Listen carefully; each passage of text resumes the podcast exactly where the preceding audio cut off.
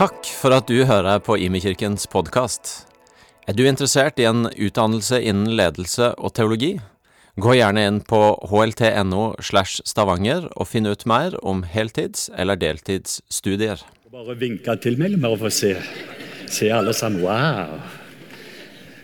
Det var veldig bra. Det var så sterkt lys, så det tok meg et lite øyeblikk bare for å kunne se alle de flotte ansiktene. Der kommer de med bord til meg. Jeg satt og tenkte på det Jeg husker en del år tilbake vi var på Oase. og Så var det Martin og Irene og Egil Elling. Det var noen av, eh, fra familiekirken som sa hei, har du lyst til å bare gå og ha et måltid sammen.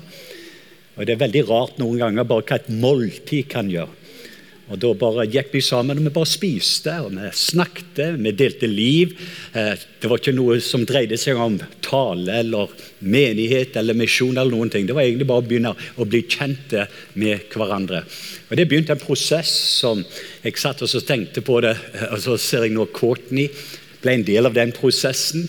Når både Hanna Therese og Geir åpna hjemmet, og hun ble du kan kalle det en lærling, men hun var her på huset i et års tid. og Så traff hun Vegard, som var en del av dette huset. Sånn kan du bare fortsette og fortsette ut ifra en del av de relasjonene som Gud fører sammen. Men det begynner noen ganger bare med et lite måltid. Så jeg bare sier det til og med som en liten utfordring til mange av oss som er til stede. at eh, Noen ganger så tar Den hellige ånd gjerne bare eh, sier hei, ta og gå og spis med den personen. Og så vet vi ikke alltid omfanget av alt det Gud gjør. Så jeg er veldig takknemlig for dette huset og takknemlig for å være her. Og så tenkte jeg på at jeg har mor og far, og de skal slippe denne gangen å stå opp og få trampeklapp. For min, min mor jeg er redd hun kommer ikke på møter igjen når jeg taler hvis jeg, hvis jeg får henne flau. Men eh, foreldrene mine er her, og min bror og svigerinna er her. Og, så det er en del familie, og jeg blant venner. Og jeg tenkte alt jeg kan gjøre, det er å dele litt av livet mitt med deg. Litt av det som jeg tror har med både pinse og spesielt dette som har med Den hellige ånd. Eh, jeg satt og tenkte på eh, hvem jeg hadde vært hadde det ikke vært for Den hellige ånd. Og, og, hva kunne jeg gjort hadde det ikke vært for Den hellige ånd? Og så satt jeg så begynte jeg å reflektere over en del av vitnesbyrdene. Bare i, i, går for et eksempel, så var det ei dame på Levanger som kom opp, og ansiktet på en måte lyste som ei sol. Og Eric People, som er sammen med meg, hun kom opp der og så sa kan jeg få lov til å gi deg en klem. Og Hun klemte og klemte, hun ville ikke slippe taket. Og, og hun så meg inn i øynene, og øynene strålte. Så sa husker du meg? Så sa jeg nei, det gjør jeg ikke. Jeg må være ærlig. Nei, det er noe som minner meg litt, men jeg er ikke helt sikker på hvem du er. Hun sa nei, jeg var her, jeg tror det var fem-seks år siden jeg var på et møte. sa også. Du sa 'kan du se meg inn i øynene'? Jeg følte du var veldig skremmende, og jeg var veldig redd for deg. Og så, hadde du sagt 'kan du se', men jeg klarte ikke å se, for jeg hadde så mye angst, og jeg hadde hatt så mye traumer i livet mitt. Men hun sa den gangen så fikk jeg et møte med Jesus, et møte med Den hellige ånd. Og livet mitt, Jeg ble helbredet, jeg ble satt fri, og livet mitt har aldri vært det samme. Og Så kom mannen hennes bort og så sa kan jeg òg få gi deg en klem, for livet mitt har ikke vært det samme siden. Så eh, det, jeg bare satt og så, jeg tenkte bare på den historien. Var, og Jeg sa det til eh, Erik og jeg tror det var Egil Elling tidligere i dag. at Noen ganger så reiser du, og det var fullt hus. Det var veldig spennende bare i går når vi forlot lokalet. Vi skulle skynde oss tilbake til flyplassen, for vi hadde pinse i Levanger. Og Vi skal skynde oss til flyplassen. Erik sa at du må passe på. Og Han, er, han har doktorgrad i lederskap og skal passe på at jeg oppfører meg. Så Erik han kom der og sa nå vi skal gå og så skal vi på flyplassen. alle disse tingene, og Så, så sier jeg hei, klokka tolv. Møtet begynner klokka ti. og Vi er ferdige rundt klokka tolv, og så stikker vi. og Kvart på to så minner de oss på at vi må skynde oss, vi mister flyet. Og vi, vi skynder oss fikk tak i en liten burger. Men jeg satt og tenkte på det var det i alle fall 100-150 som var eldre enn 70 år gamle. Det var den midtaldersgenerasjon. Det var de unge. Fullt hus på over 400. Dette i Norge som gjør noe med hjertet mitt. Og de lå på sine kne når vi forsvant. Møtet som begynte klokka ti. Når vi gikk i eh, Prøvde å snike oss ut fra det lokale og prøvde å komme oss av gårde, så var Guds ånd til stede. Og Jeg så tårene på disse 80-åringene bare, som lå på sine knær og bare innvia seg inn forbi Gud. Og De hadde en hunger og de hadde en tørst for noe mer av Gud. Og Det gjorde noe i for meg som en nordmann. Det gleda meg noe. Det er helt mulig i Norge å ønske mer av Gud. der det overnaturlige blir det som blir det naturlige. Og jeg vet i hvert fall der, der jeg står i mitt liv Jeg har nettopp hatt i siste, de siste seks månedene to diagnoser som gjør at det er stort sett umulig for meg å gjøre det som jeg gjør. Og det som jeg er kalt til å gjøre. Og så fikk Jeg nettopp, jeg skal av gårde til Afghanistan og til Pakistan og til Kashmir i august. Noe som er umulig med disse diagnosene mine. Og Hadde det ikke vært for Den hellige ånd, så vet jeg ikke hva jeg skulle gjort. Jeg tror jeg hadde levd med motløshet og skuffelse, for de tingene som legene forteller meg, det er helt umulig. Jeg trenger et kreativt mirakel for å kunne klare det. Men så fikk jeg bare ett ord når jeg var i Brasil. Er Det ordet det egentlig 'Gi oss i dag vårt daglige brød'. Så jeg tenkte jeg kunne ikke heller få et ett års med brød. Ikke dette daglige. Så Det har vært hver dag da, siden den dagen at jeg trenger ferskt brød i dag. Jeg kan ikke gå med gårsdagens brød, og så har jeg ikke heller tilgang til morgendagens brød. Men det er fersk brød av hans nærvær i dag. Eh, det er ferskt vann, det er fersk visdom, det er styrke, det er kraft. Alle de tingene vi trenger. Gi oss i dag vår daglige brød. Og så Det er nåde for i dag. Og så I morgen så skal jeg stå opp igjen, og derfor kommer jeg her. Og så skal det være nåde igjen i morgen for oss klokka fire til å stå opp. Begynne å hoppe på et fly til Oslo, og så til New York og så tilbake til Atlanta. Og Rett før jeg kom her, så var jeg med i gruppa med brasilianske ledere. Og rett før det så var vi i Australia i 14 dager. Så, men det er nåde. Og, og det kommer pga. Den hellige ånd. Men jeg kjenner at jeg har et eh, pinsebudskap. og Nå må jeg begynne nesten å bevege meg, for jeg kjenner at det er noe som brenner i meg. Og Jeg håper at det, er den den ilden, denne pinseilden, at det skal være en himmelsk ild som skal begynne å berøre oss, som skal sette deg i brann, og at du vil brenne på en sånn måte at du aldri blir utbrent. Fordi at du vil alltid brenne olje av intimitet med den som du elsker. Altså Mitt ønske i dag, og dette har litt med en liten historie som ligger bak dette budskapet. Jeg hadde vært i Midtøsten og hadde vært på en del turer rundt omkring i forskjellige plasser. og Rett etter denne diagnosen så var jeg litt skuffa, og jeg var på soverommet mitt hjemme. Eh, for jeg trenger egentlig et nytt bein i, mellom hjernen og hodet, for det er borte. Så som resultat av det jeg sto der foran alle lederne, hele rommet bare spinner pga. jeg har dette, så har vi svimmelhet en av de tingene. Men når de fant ut hva det var, så opplevde jeg at det var denne skuffelse, for jeg vet ikke hvordan jeg skal klare dette. Og alt jeg kan gjøre, det er egentlig å stole på Han. Og det kan være veldig vanskelig noen ganger, spesielt når det er andre ting du kan stole på. Så det, jeg prøver, og jeg har fremdeles en del leger og spesialister og jeg har mange venner som prøver å sjekke forskjellige ting, men jeg, jeg er ikke et dårlig humør, så du skal ikke føle synd på meg. Jeg bare deler litt av hvordan man blir et budskap. For Noen ganger så leser man et budskap, men prosessen for å bli et budskap, det har med prosess. Og Dette gikk litt på denne prosessen. Og nå min historie, Hvis du snakker om i Gamle testamentet, og hadde du spurt meg hvem er din favoritt, så er det David. Jeg er veldig begeistra i David. Jeg har til og med skrevet en bok som har med David og dette med å ta Goliat. Eh, hadde det vært i Nytestamentet, så kunne jeg sagt at det er veldig klart den jeg liker best i Nytestamentet, det er Johannes. Og jeg kan fortelle hvorfor jeg liker Johannes. Eh, først av alt når det gjelder Johannes, det som jeg liker best med Johannes Det er alle de tingene som jeg ikke liker med meg sjøl. Det har Johannes. Det er en del ting som jeg likte godt med Johannes tidligere. det er egentlig når Noen av dem, om det var muslimer eller hvem som står imot meg, det er la oss få ild fra himmelen og stå imot dem. Husker du det med Johannes? Altså, det, Her er disse samaritanerne. La oss få litt sånn, fire from heaven to get them. Men på en eller annen slags måte Johannes begynte å være sammen med Jesus, Guds lam. Johannes han visste hvordan han skulle være ei løve, men han visste ikke hvordan han skulle være et lam.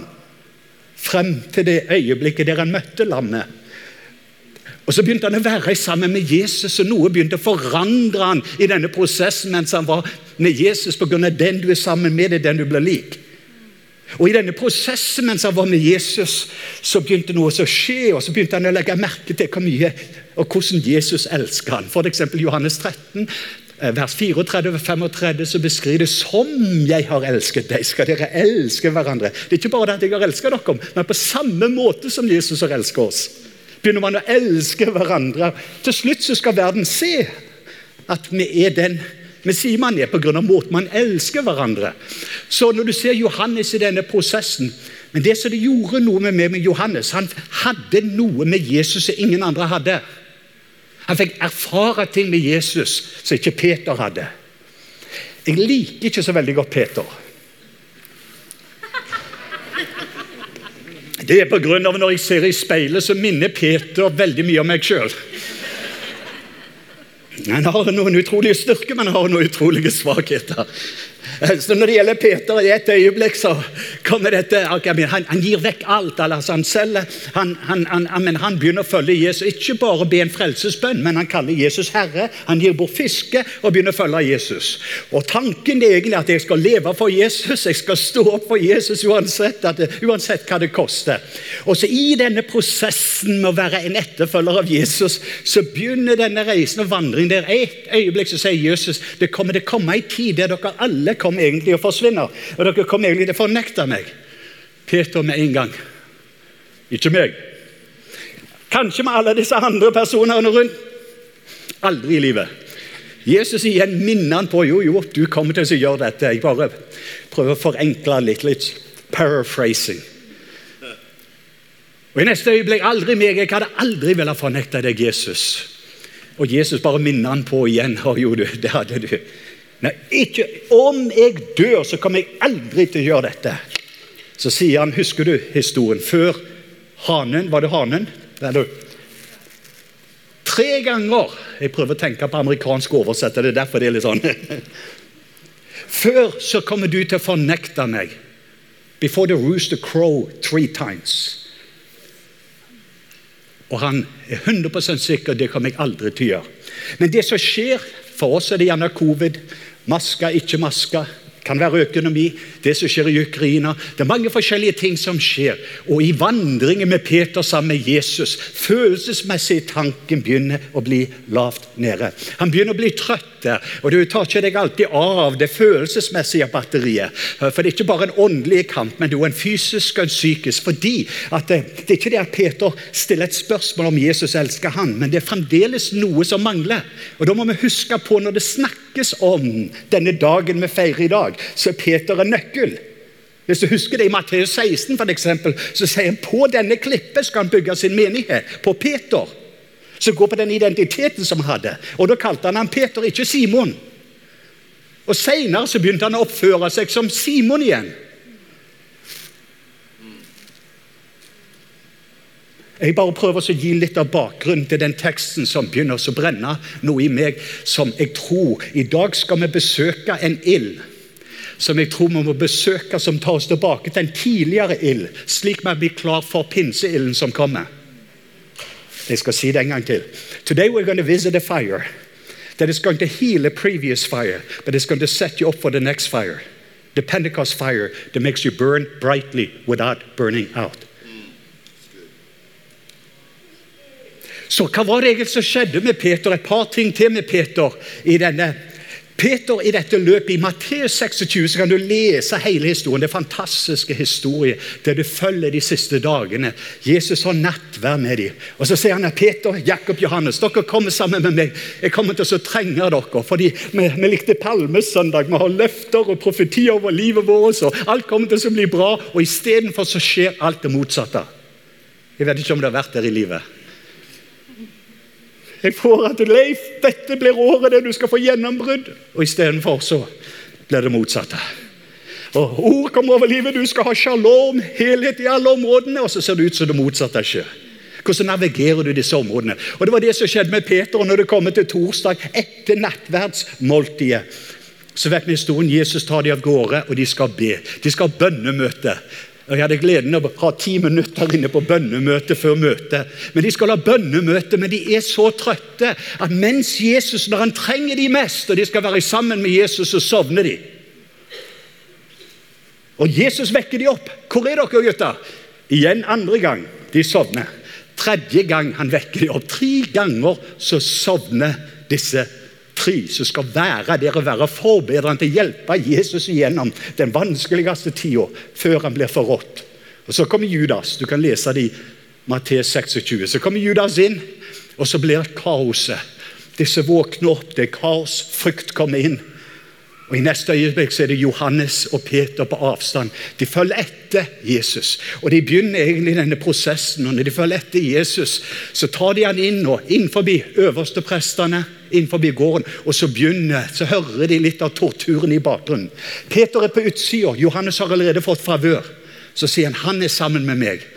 Og Så kommer Peter på innsida, og så er det en ild. Og Det er interessant, det står to ganger Johannes 18, 18, det er den ene gangen der det står denne kullild. En ild av kull.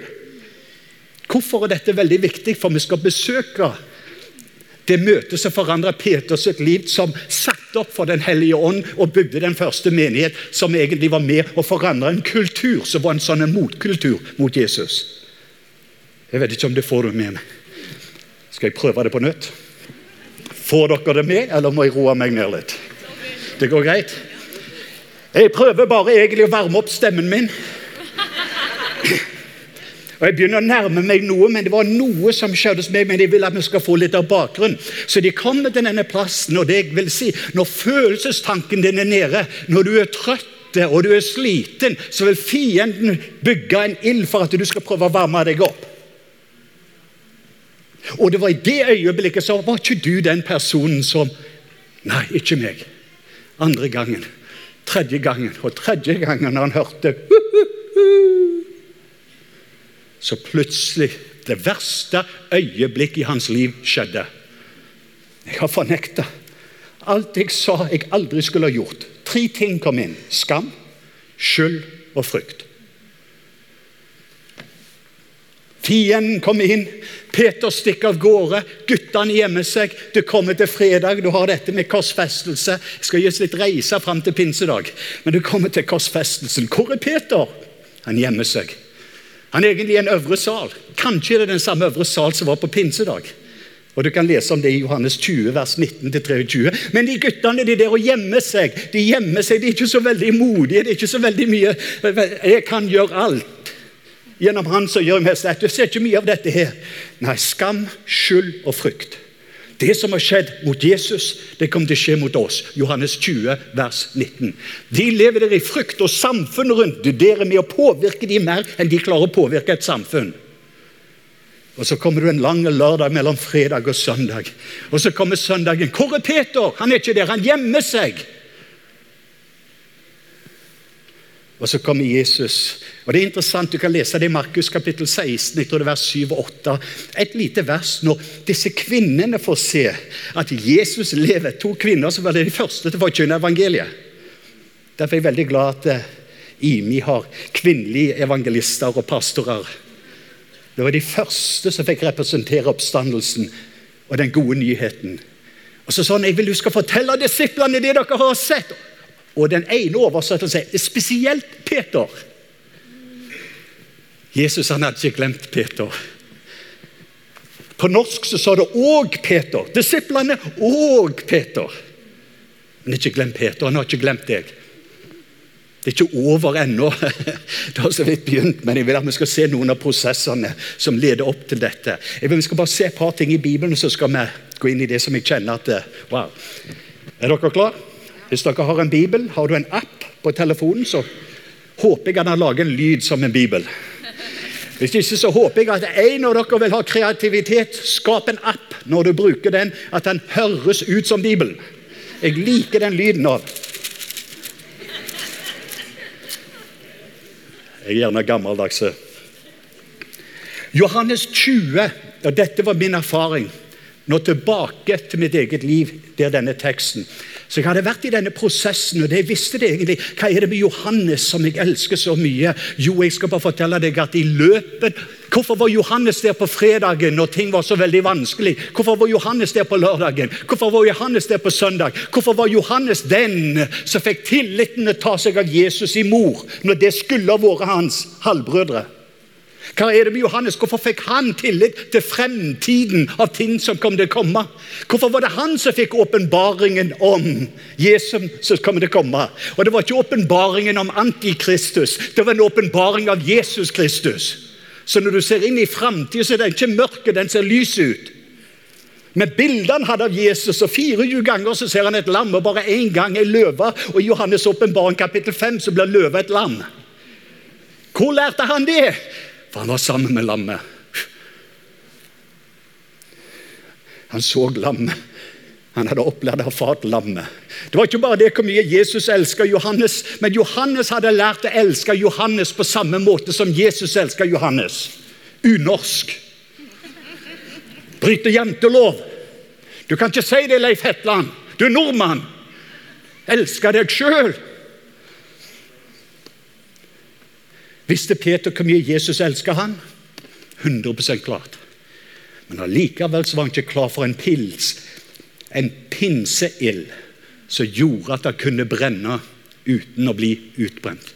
Hva var det som mangla i Peters sitt liv? Han trengte egentlig en indre helbredelse. Han trengte å bli sett fri fra seg sjøl. Han trengte egentlig å se seg i speilet og se seg sjøl slik som Jesus så han.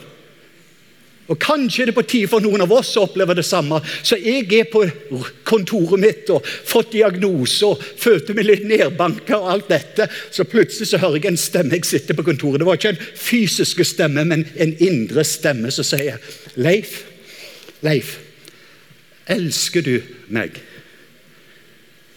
Jeg tenkte Hvorfor elsker jeg deg? Og så begynte jeg å si det er veldig dumt å gjøre det på den måten. Når han spør deg et spørsmål, så er det ikke det at han mangler svar. Jeg begynte også å tenke om jeg elsker deg, Jesus Jeg var nettopp i Pakistan. Jeg har kysset familien, og jeg har reist rundt omkring Jeg begynner med Tåpelig. Og den andre gangen så sier vi Leif, elsker du meg virkelig? Elsker du meg mer enn noe annet? Elsker du meg mer enn de? Dreier det seg om bare meg og deg? Elsker du meg mer? En tjener seg mer enn Elsker du meg? Jeg vet det, Før mine lammer skal lese det, men dette var min personlige erfaring med disse versene. Andre gangen igjen så prøvde jeg jo, men jeg vant jo internasjonal fredsbelønning av presidenten i Pakistan som kjærlighetens ambassadør. Gjelder det? Nei. Det har ikke noe med hva du har gjort eller ikke har gjort. Jeg visste han ønsket å gå inn i rotproblemet, at det er noe som mangler i mitt liv. Som jeg ikke hadde. Og Den tredje gangen sier Leif, Leif, Leif, elsker du meg? Og Den gangen så husker jeg historien fra Johannes 21. Jeg visste alt jeg kunne si tilbake til han. Du vet alt.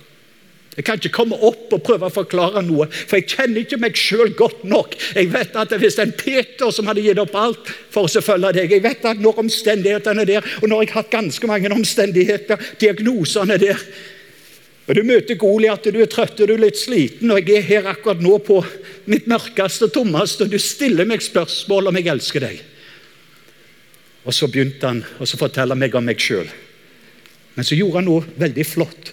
Den ilden som var der, og det er den vi skal se på. Det var en ild som han hadde hadde foran Peter rett før. Han hadde egentlig lagd frokost. Og Noen av dere trenger å ha frokost med Jesus på stranda i dag. Skal vi lese? For å gjøre dette møtet gyldig, så leser vi Guds ord. Johannes 21.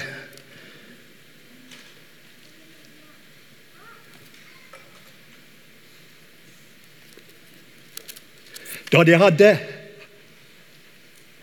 Jeg begynner i vers Jeg har litt problemer med å syne her. 15. Da de hadde holdt måltid sier Jesus til Simon Peter. Simon, sønn av Jonah, elsker du meg mer enn disse? Han sier til ham, Ja, Herre, du vet at jeg har deg kjær. Han sier til ham, Fø lammene mine. Han sier til ham igjen, andre gang, Simon, sønn av Jonah, elsker du meg?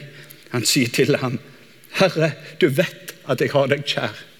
Han sier til ham igjen, vokt sauene mine. Han sier til ham det er tredje gangen, Simon, sønn av Jona, har du meg kjær? Peter bedrøvet, ble bedrøvet fordi han tredje gangen sa til ham, har du meg kjær? Og han sier til ham, Herre, du vet alt. Du vet at jeg har deg kjær. Jesus sa til ham, fø sauene mine. Hør godt etter, så sier han noe. Sannelig, sannelig, jeg sier deg. Når du var yngre, så bandt du deg selv opp med deg, og gikk der du ville. Men når du blir gammel, så skal du rekke ut hendene dine, og en annen skal binde deg opp og føre deg der du ikke vil. Dette talte han for å gi til kjenne hvilken slags død han skulle ære Gud med. Da han hadde talt dette, så sa han, 'Følg meg'. Jeg skal bare få dette i sammen. Tre ganger så kommer Jesus, så du kan ha et møte der Jesus kommer og åpenbarer seg. Du ser det i Johannes 20. Han puster på dem og sa 'ta imot Den hellige ånd'. Thomas tvilte fremdeles, og er du en Thomas, så ønsker jeg ikke at du skal føle skuffelse. Jesus hadde ikke noe problem engang for oss å bare bevise. Er du gjerne en som tenker mye med hodet, bare kjenn etter, men jeg skal bare likevel vise til hvem jeg er. Eh, så Jesus tre forskjellige ganger har vist og så står det i slutten av Johannes 20 alle disse andre tegnene og mirakler skjedde. Og så begynner kapittel 21. Vet du hva som skjedde med Peter og gutta? De går ut, og de skal fiske. Jeg vet ikke om du får dette med deg, men Sist gang de skulle fiske, det var da når Jesus kom, og de fikk møte og fikk et kall til å bli menneskefisker. Og de forlot alt for å følge han, og nå prøver de å gå tilbake fordi at du er ikke lenger den du var, men du har ennå ikke blitt den du skal bli. Det er hele frustrasjonen med pinse. Er det noen andre som er her? Du er ikke lenger den du var, men du har ennå ikke blitt den du skal bli. Er det noen andre her, eller har du blitt? Ok, La oss prøve det en gang til. Hvor mange her du i en periode i livet ditt er det noe forandring som skjer? Det er på en måte Vi prøver å finne våren og sommeren her i Norge, men det var likevel litt vinter i dag. Og det er noen av dere som opplever allikevel litt vintertid i livet. For du har ennå ikke opplevd fullheten av den sommeren som ble lovt. Om det ser vi på slutten av mai. Så du gjerne har et løfte av pinsedag og alle de tingene som skal komme over livet ditt. Men du er ikke lenger enn du var, men du har ennå ikke blitt den du skal bli. Og så er det midt i den prosessen. Det er det som skjer. Så Peter og gutta er litt frustrerte, de har vært trøtte. Men mitt spørsmål er, Peter, hvordan kan du Hør godt etter. Hvordan kan du etter tre overnaturlige opplevelser med Jesus allikevel gå tilbake til det du har forlatt? Vet du det at det er mange kristne i de siste tre årene, ikke bare i USA, men i Norge, som går tilbake til fiska igjen? De sliter men så finne pinsedag. Fordi det var fredag, og så var det en lang lørdag som varte i to år for mange. Og De har venta på søndagen, og søndagen kommer, og de er trøtte og slitne, så de skal prøve å finne noe som fungerte tidligere. Men til og med det når gutta er ute og fisker, så får de allikevel ikke fisk. Det er en frustrasjon, for du kan ikke gå tilbake til verdenssystemet. Det fungerer ikke lenger, det som pleide å fungere. Men du har ennå ikke fått oppleve fullheten av pinsedag de løftene som Gud har over livet ditt. Du har ennå ikke fått oppleve det som Gud har over livet. Hva er det som egentlig mangler? Så Peter og dette, de går ut og de fisker, og de fisker hele natta. Ingen fisk. Og så står denne karen langs kanten. 'Hei, gutter! Fikk dere noe fisk?' Nei. De er litt skuffa. Hendene er gjerne litt såre. De har ikke fiska på tre år litt trøtte og slitne, så disse gutta de kom inn og så sier Jesus hei, hvorfor kaster dere ikke den over på den andre sida? De har ingenting å tape og alt å vinne. Og De gjør det å huske historien. De får 153 store fisker. Noe som skjer. De klarer ikke å gjenkjenne Jesus på distanse, for dette er den oppstandende Jesus. Og Han kan forandre litt måten han er på. Det andre det har med distansen. Men så er det Johannes som kjenner igjen stemmen hans. Så noen ganger når han kommer på møte, hvis ikke du klarer å gjenkjenne han, kan du høre den stemmen hans? Johannes klarte å høre den lille stemmen. Jeg kjenner igjen den stemmen. Johannes sier det er Herren. Når Peter opplevde det, så tok han klær på seg. Han hoppet ut i havet. Han begynte å svømme. Og når han kom der, så plutselig så ser han Du kan lese det i vers oh. Les det i vers 9. Du får en skylde her at jeg er begeistra. Nei, jeg ber ikke om unnskyldning for det. Så snart eh, Unnskyld. Ja, så snart, vers 9 De hadde kommet til land, så sa de at det var en kull ild der. Og fisk lå på den, og brød. Les O Johannes 18, 18. Veldig raskt, og så skal vi begynne å lande dette. Så førte de Unnskyld, ja. Der er det. Tjenerne og vaktene hadde lagt en kullild. Johannes 18, 18. Jeg vet ikke om du får med deg. Så Johannes 18, 18 så finner du å, det er en kullild. Hva var den kullilden? Det var da når han sto der og fornekta Jesus tre ganger. Nå får han plutselig så kommer han inn og svømmer, og så plutselig kommer han inn, så har Jesus lagd frokost. Der er det fisk og ferskt brød. Og når han kommer inn, hva er det første han ser? Kullild. De eneste gangene dette ordet er brukt på gresk. De to gangene ble brukt her. Samme ordet. Hva er det Jesus gjør? Er det fordømmer han? Nei. Det er en invitasjon. Hei, Peter. Husker du det verste angående deg? La meg ta deg tilbake. Husker du den ilden? Når du kommer til den ilden, la meg tilbake. Alt det du sa du ikke ville gjort. Husker du det? Det er ikke for å fordømme, men det er for egentlig å lege Peter. Fordi det er noe som mangler i Peters liv. Peter elsker ikke Peter på samme måte som Jesus elsker Peter.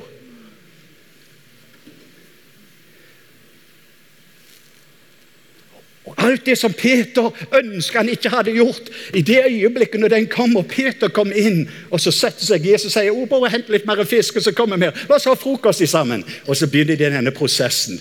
Elsker du meg? Hvor mange ganger sa han 'elsker du meg'? Hvor mange ganger sa han 'elsker du meg'? Skal jeg si det på nynorsk eller bokmål? Én, to, tre. Hvor mange? Hvor mange ganger fornekta han? Du hadde første gang fiske, du har andre gang fiske. Hvor mange ganger sovna de når de skulle be? De er trøtte. Og mange er trøtte mens han sier, 'Kom til meg, alle dere som sliter, dere som har tunge byrder'. Kvalifikasjon til å komme han det egentlig at du sliter. Har du det godt, så kan du allikevel komme, men da men invitasjon det er for de som ennå sliter. Så Jesus kom inn og sa 'Peter, la meg ta tilbake det punktet.' Jeg vet at uh, Grunnen du ikke var der på fredag, var av det du gjorde. Jeg vet at grunnen, så Det største grunnen at Norge Det er bare noe som Leif Hetland sier. Men jeg tror den største grunnen at Norge ikke ser hvor god Gud er, og hvor elsket de er, pga. mange av oss har ennå ikke klart å se oss slik som han ser oss. Å si om oss det han har å si om oss, det er sannheten, og den sannheten setter deg fri. Og Fram til du ser deg ut ifra et himmelsperspektiv, ikke ut ifra skam. På grunn av skam er en løgner. Skam vil fortelle deg hvem du ikke er. Men Jesus vil alltid tale inn i identiteten hvem du er. Skam lyger, frykt lyger. 95% av de tingene du frykter, kommer aldri til å skje. Og de andre 5% gir deg en oppgradering i kjærlighet. Så den perfekte kjærlighet kan kaste ut frukt.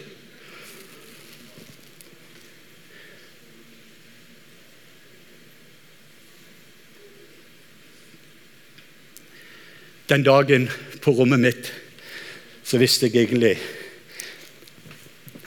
Jeg kan begynne å se på Peter, og så kan jeg være ærlig med meg sjøl og se i speilet. Og så kan jeg si at uh, den som jeg ser det, den Peter Svakheter, ja. Jeg prøver ikke å overse områder. Jeg prøver ikke egentlig å si at nei, jeg har ikke noen av disse karaktertrekkene. Jeg prøver ikke å si jeg bare sier at det han har å si om meg, det er sannheten. Du kan si hva du vil. Andre folk kan si hva de vil. Men jeg har hørt hva han har å si. Han sier 'Simon, elsker du meg?' Han sier ikke 'Peter, elsker du meg?' Men fram til du har blitt en Peter, blitt det som han har sett, angående deg. Fram til du har fått den identiteten i hva han har å si om deg, så kan du ikke være med og hjelpe andre mennesker å bli fri. Pga. frie mennesker setter mennesker fri. Og Det du har blitt satt fri fra, kan du være med å sette mennesker fri fra. De tre områdene i mitt liv som jeg har blitt angrepet mest, det er de tre områdene jeg ser mest helbredelse. Det er ikke fordi jeg er god, men jeg vet Guds nåde på de områdene. Det er der jeg har nåde, og viser nåde til mennesker. Så Peter den dagen er den tredje bølga av kjærlighetsbølger. Jeg hadde opplevd, og mange av dere har hørt min historie, og lest mine bøker om kjærlighetsdåpen. Hvor mye Gud elsker meg. Det forandra denne haugesunderen eller stavangeren. Jeg var født på Stavanger sykehus. Så jeg er en sånn blanding mellom siddis og araber. Det er gjerne derfor jeg er litt rar. Men jeg har toppkarakterer før jeg begynner, så det går greit.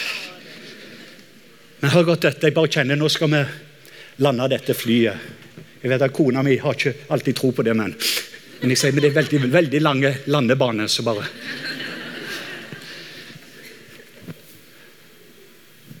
Den dagen på kontoret så visste jeg egentlig at jeg prøver å se til Johannes, jeg prøver å se til noe som jeg ønsker i mitt liv. Men den dagen fikk jeg se på Peter. Midt under all diagnose og skuffelse og andre ting, så fikk jeg se meg i speilet. Og så fikk jeg plutselig komme meg en enhet i hvordan han ser meg. Og så fikk han da gå Husker når du mista Todd Bevan, døde? Her var Bob Phillips som reiste med de alle årene. Han døde. Det er Jack Taylor som døde. Så begynte han å ta gjennom skuffelser som har vært redde å ta folk innpå med for smerten når du mister de folkene som er nærmest deg. Hvordan du skal føles. Da beskytter du deg fra de områdene. Og Du vet ikke om det før du møter han, og du har frokost med han på stranda, og han sier 'jeg elsker deg'. Og Så går kjærligheten inn og begynner å berøre disse smertefulle ormene i ditt liv. Fram til til slutt så sier 'Hei, Leif'. La meg fortelle om deg. Peter, la meg fortelle, Når du var unge, så kunne du holde på på denne måten. opp og ned, akkurat hvordan du ville. Men nå jeg så deg. La meg fortelle hva jeg så om deg. Hei, Peter. Du er den som jeg skal bygge min menighet på.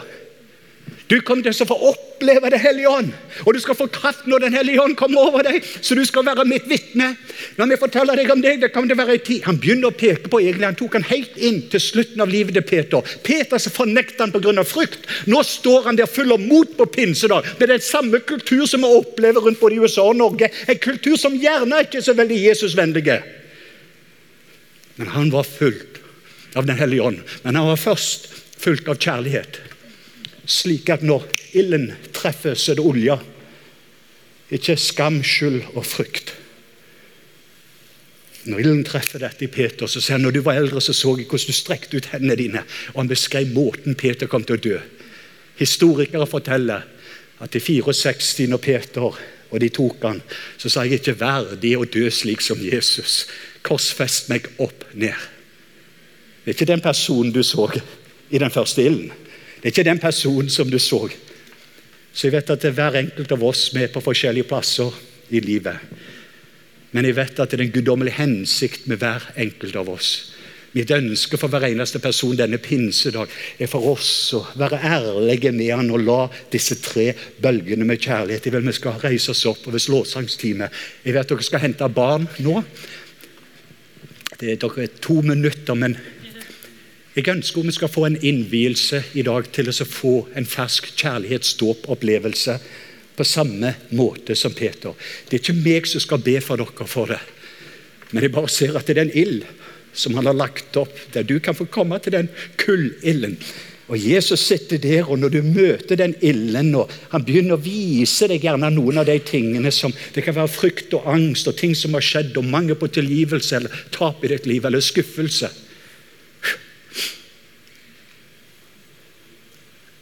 Men ikke være redd for at han går inn i de områdene i livet der Jeg kan ikke forklare hvorfor jeg ser helbredelser og mirakler på en del områder som jeg trenger sjøl. Jeg kan ikke forklare det, men jeg kan forklare deg noe han er god.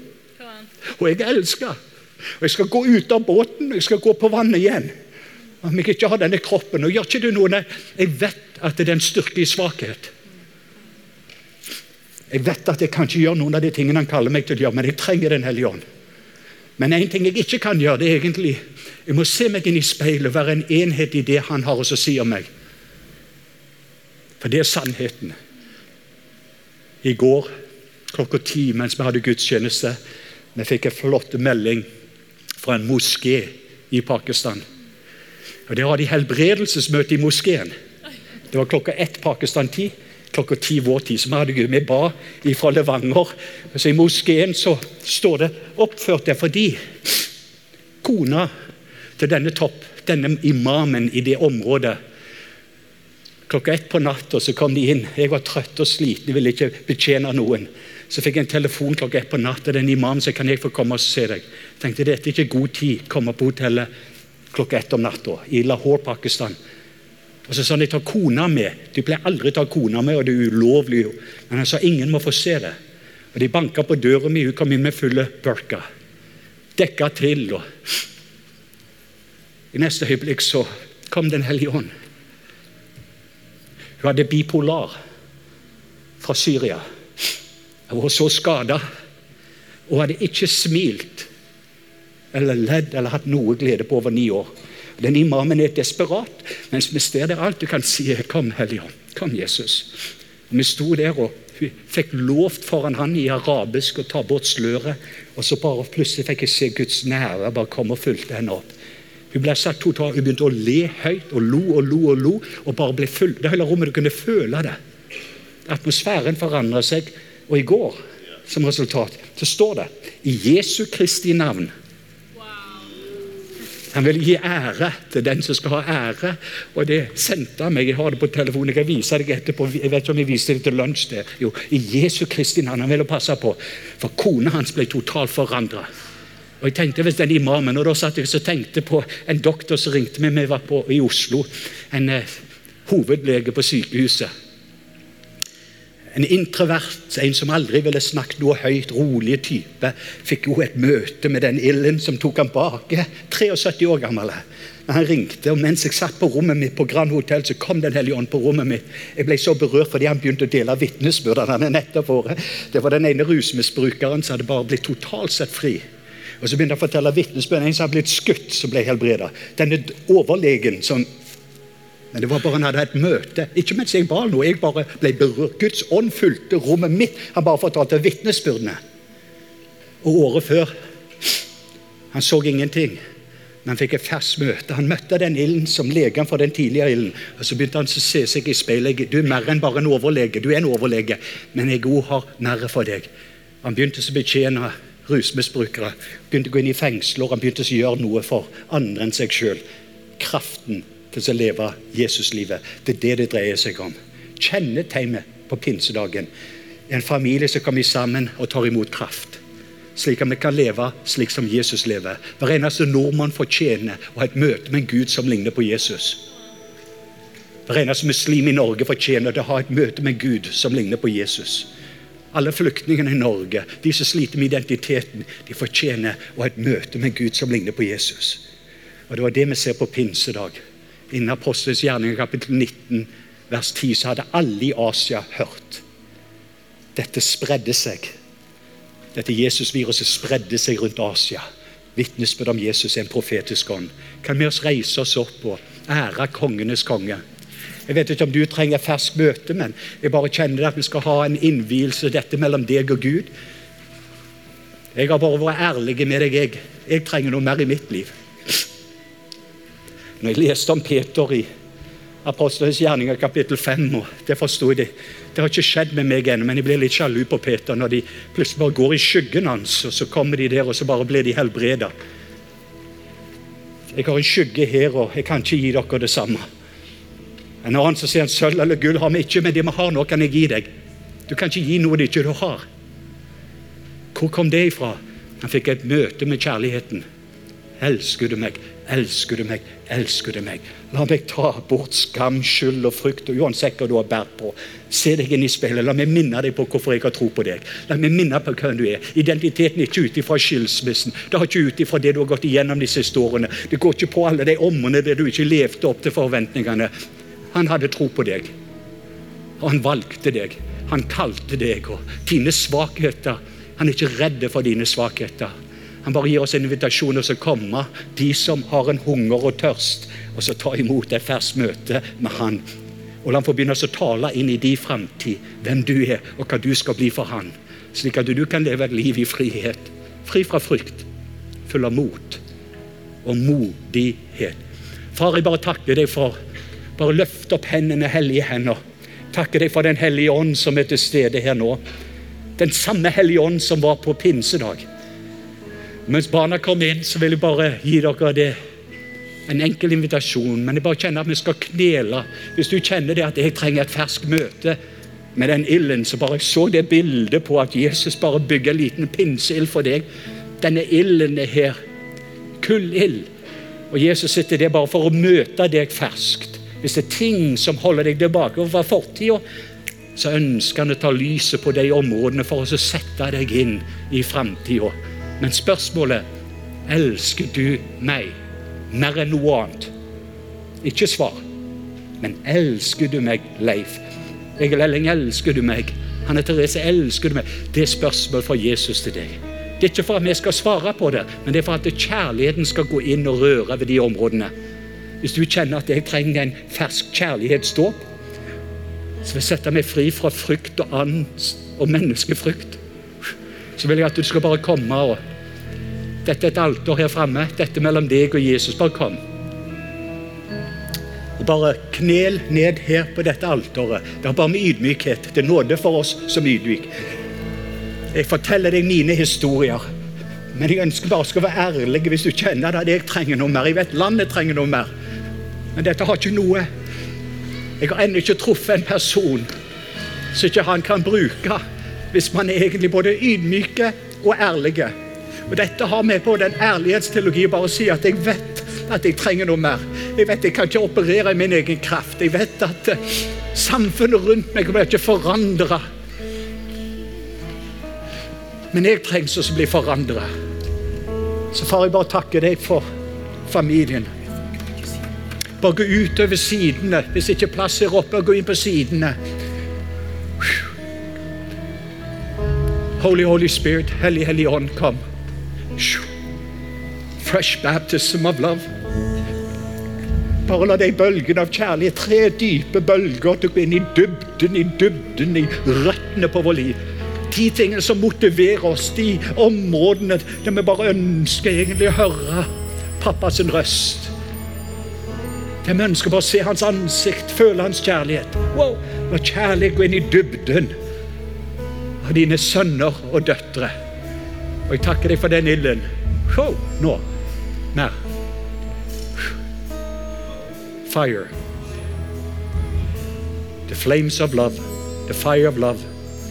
Kjærlighetens ild. Kjærlighetens ild. En ild som gjør at du brenner. Brenner, brenner, brenner. Uten å bli utbrent. Sing. Sing over dem with a love. Wow.